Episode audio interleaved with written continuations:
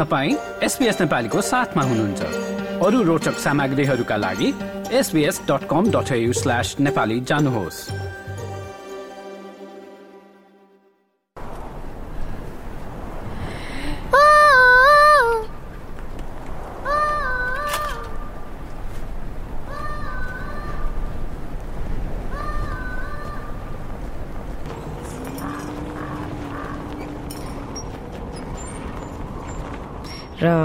Silent एकोको यो झलक सुन्नुभयो होइन? मेलबर्नमा बाह्र अगस्तदेखि तीस अगस्तसम्म भइरहेको इन्डियन फिल्म फेस्टिभल अफ मेलबर्नमा उक्त चलचित्र पनि देखाइएको छ। यसको रमाइलो कुरा चाहिँ के हो भने नेपालको मुस्ताङमा बनेको यस चलचित्रका निर्माताहरू भारत फ्रान्स लगायत अन्य मुलुकका रहेका छन्। र अब कथा यो यो जुन सोह्र मिनट लामो रहेको चलचित्र चाहिँ विश्व चर्चित अस्कर पुरस्कारको सूचीमा पनि परेको छ।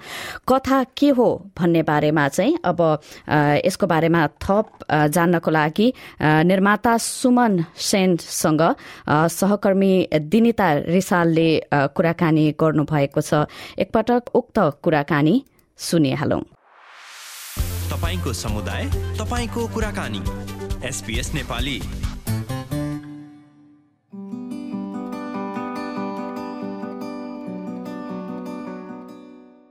I'm Shumon. I'm a filmmaker from India. So, The Silent Echo, the name is really interesting. Like, what is the movie about? So, it's basically a very simple film about four uh, kids in their early teens. And uh, they basically from a remote mountain village. And they spend their days in an abandoned bus on a, on a ridge, on a uh, on top of a cliff, mm-hmm. and they play music. And uh, there is a band competition happens uh, near a neighboring town, and they hear the announcement, and they gather their money to be part of that. Uh, so that's that's the movie all about. It's about uh, kids' interaction with the nature. It's about how the divide between a city and a village. So yeah, it's about that. I would I would really ask audience to watch it to know more. Yeah, and what uh, what genre do you say the movie would fall into? I I honestly do not you know kind of like to limit my films in a particular genre. But if you really insist me saying so, it would be it would be a drama, nothing more than that. Okay, and obviously fiction. Yeah, yeah, fiction. it is fiction yeah. yeah. So how did the idea come up about the story? I, I have been I've been traveling a lot since uh, since my early days of life, and I I have a strong fascination for the mountains. So I really wanted to do something uh, which has all this connecting points of mountain kids and music because music plays a very vital role in my life as well. Whatever I do in terms of in terms of uh, creating an experience or working with the actors or uh, the cinematography on and the visual design i think that that the rhythm and tune defines my movement so that's how it all kind of uh, started coming together and that was the germ of the idea that's how it all started uh, since you said you're a filmmaker from India, I'm really curious to know how you ended up working with Nepali actors. So basically, um, so the actors in this movie are just these four kids? Yeah, primarily these four kids, yes. But I would honestly not like to call them actors at all because none of them are actually, in, in real life, they are not actors. They are just kids who are from a forbidden land called Lo Manthang, which is in the Upper Mustang so they basically come to Pokhara to study in the in the winter time, and uh, in the, in the Tibetan refugee camps and all. So I basically, me and my producer, uh, we we kind of scouted uh, days after days and uh, went to all these uh, schools to basically. You know, tr- we, we were trying to find the right face for our characters. And as I said, none of them are actors. So we were also not looking for actors per se we were looking for kids who who likes music, who likes to play music, and who likes to be a part of uh, this uh, adventure.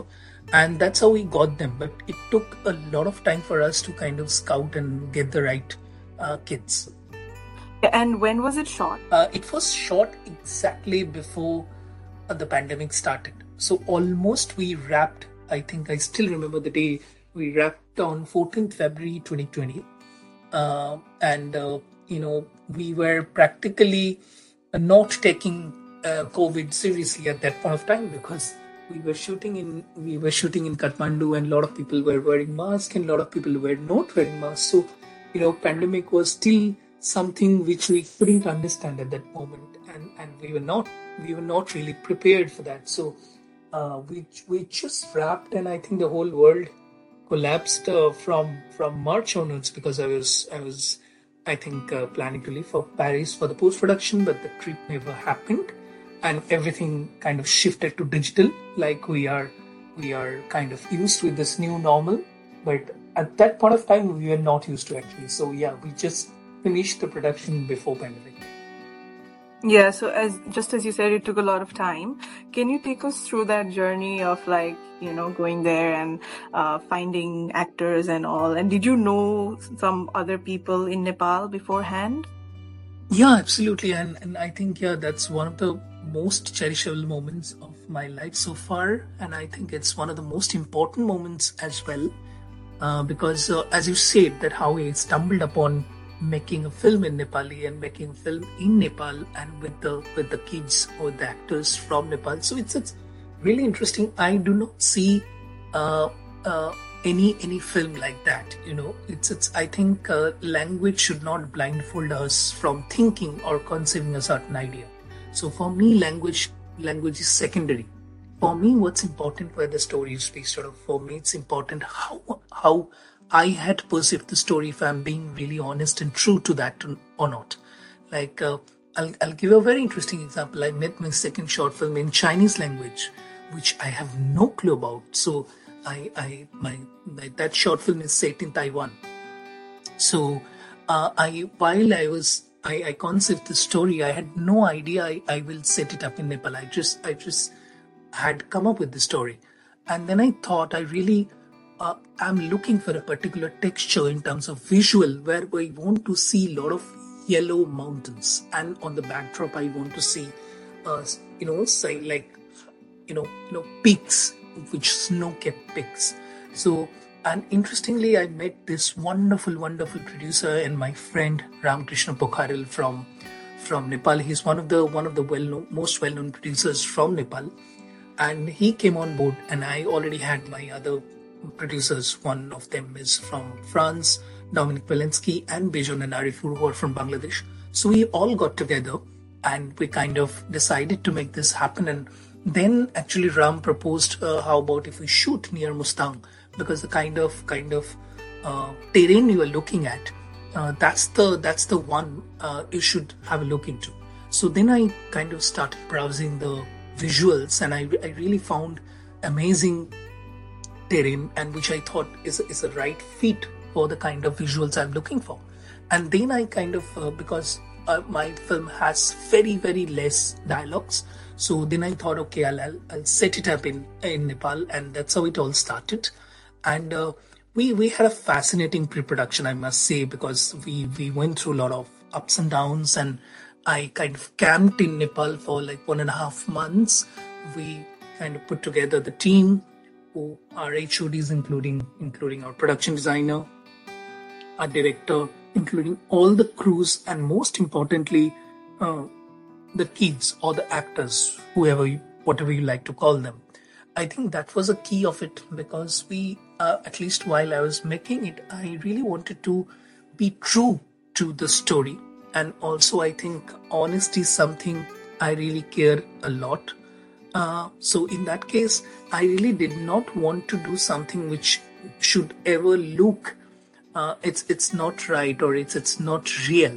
So that's about it. I think uh, in terms of location hunting, in terms of getting the right cast, we spent a lot of time, um, almost one and a half months.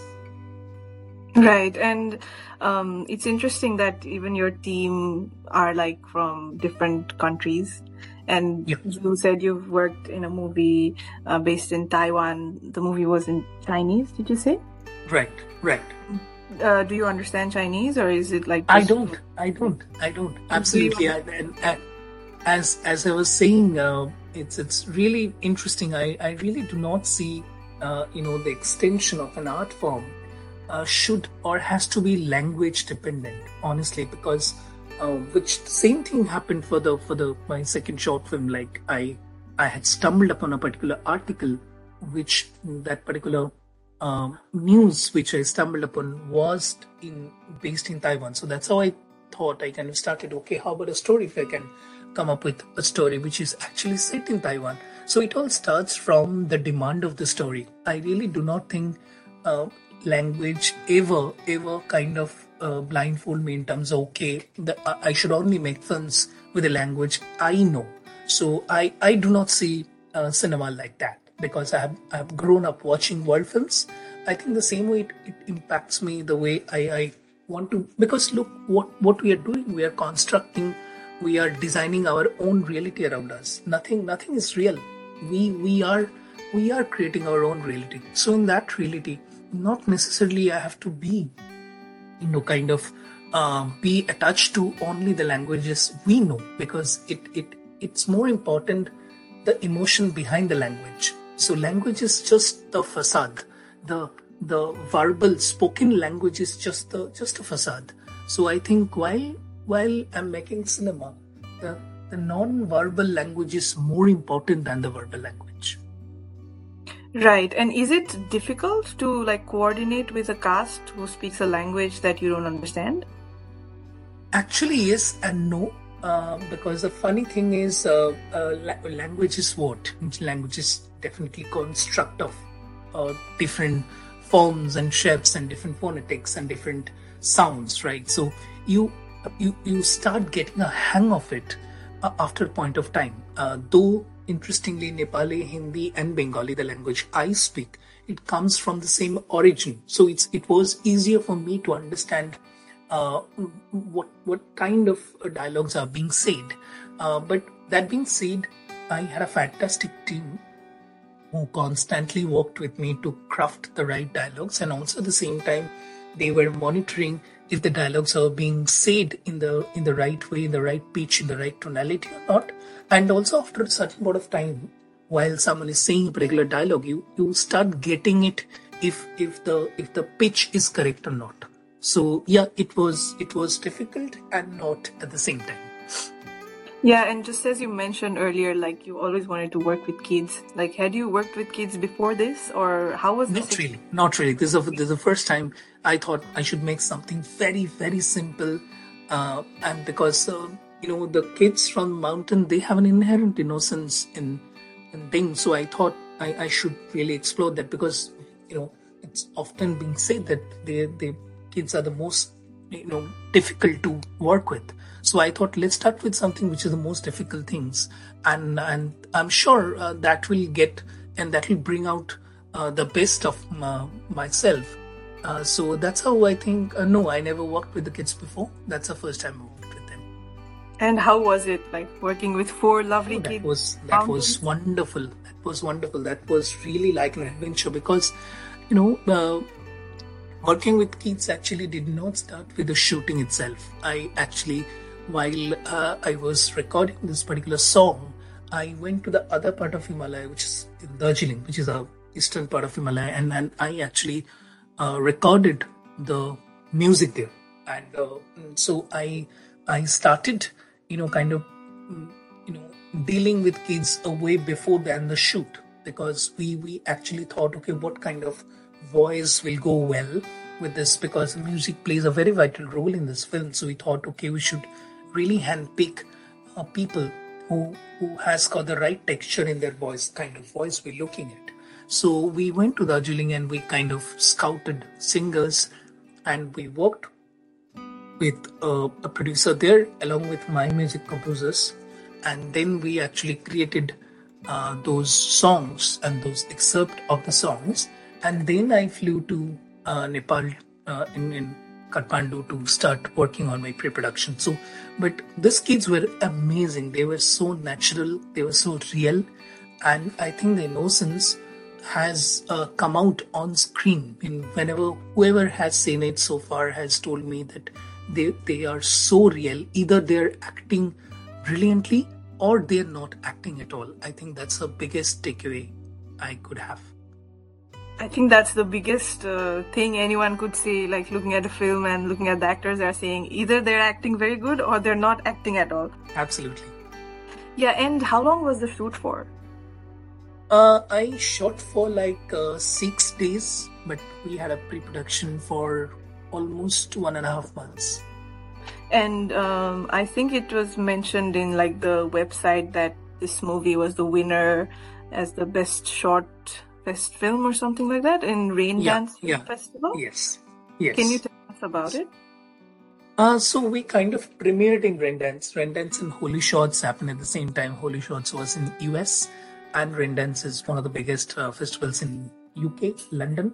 So that was one of our first one two uh, film festivals where we premiered. So uh, and we won there. We won there, and also at the same time, uh, interestingly, uh, Raindance is an Oscar qualifying festival. So once you win there, you directly get into the Oscar long list. So our uh, our film is in Oscar long list for the next year. So we are gearing up for that as well, and hopefully we can have a longer journey there. And after that, it it traveled almost around 23, 24 festivals so far, and all of them are highly prestigious, and and I'm I'm very fortunate for that.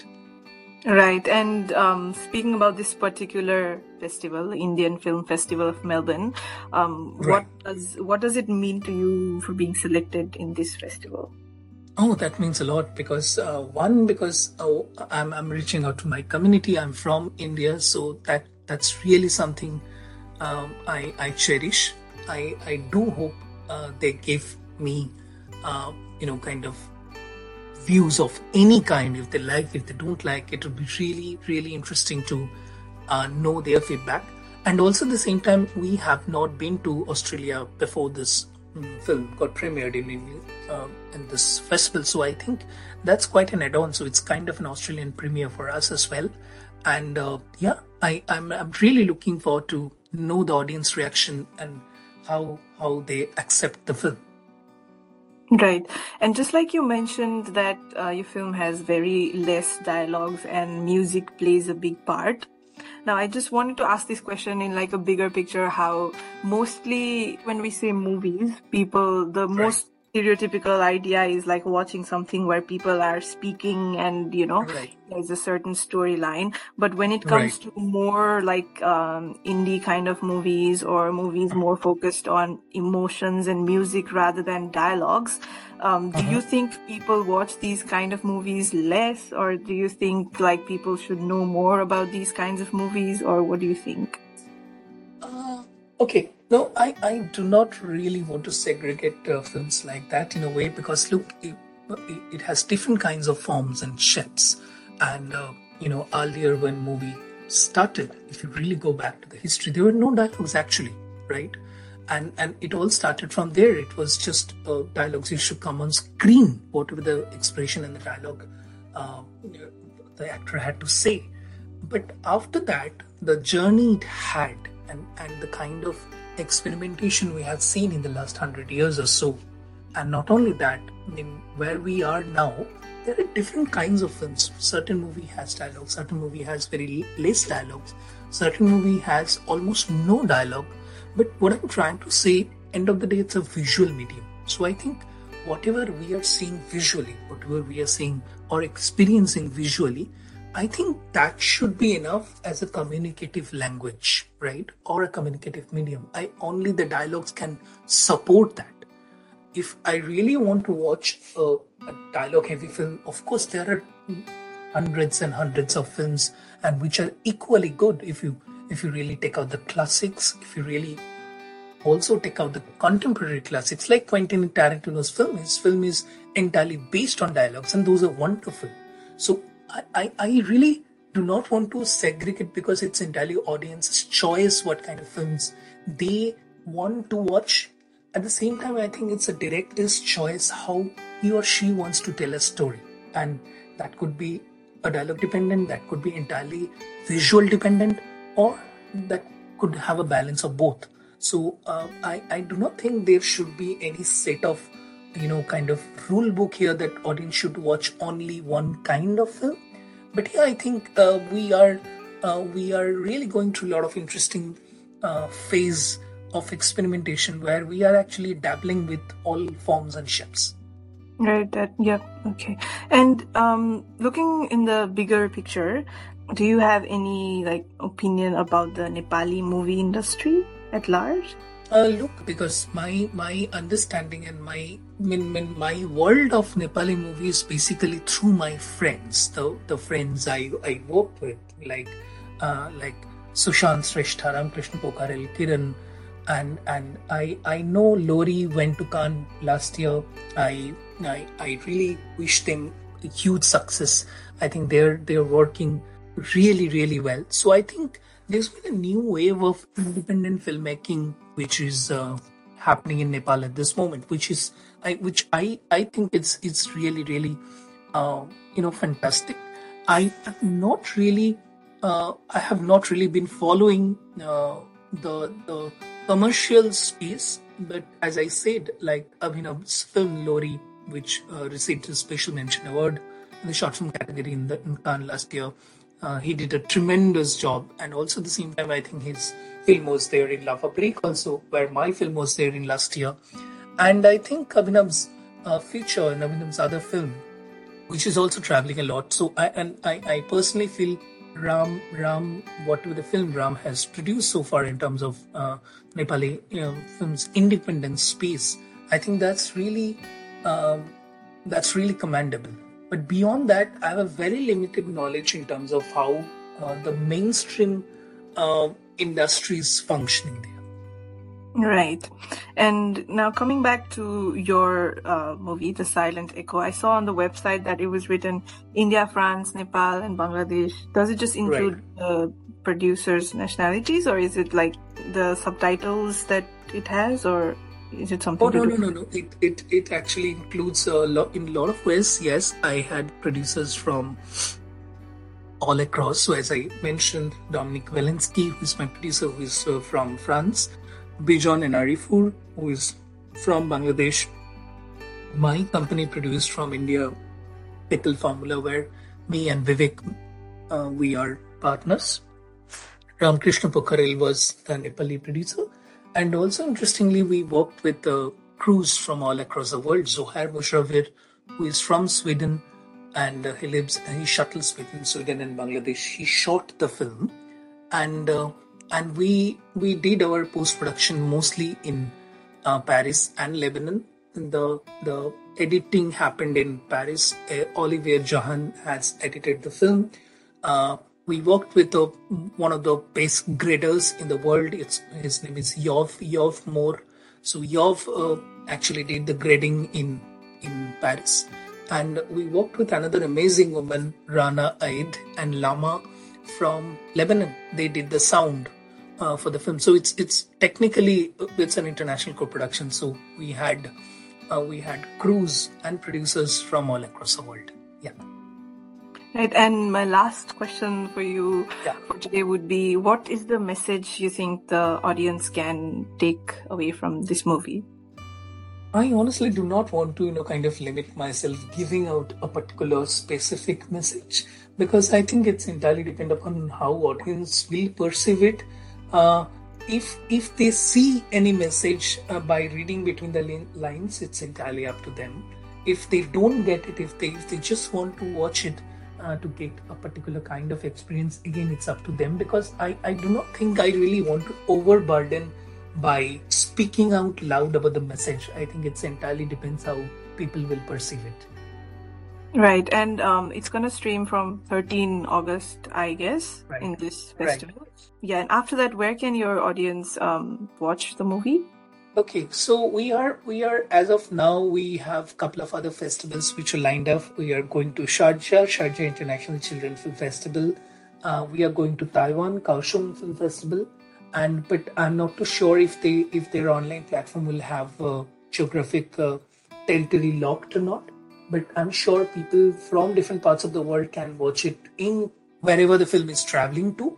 But uh, we are really planning to, you know, kind of release on a platform very, very soon. We are in talks with a couple of platforms in India and internationally as well, and hope uh, we we kind of lock that very soon. And if that happens, I'll be happy to announce where they can watch it.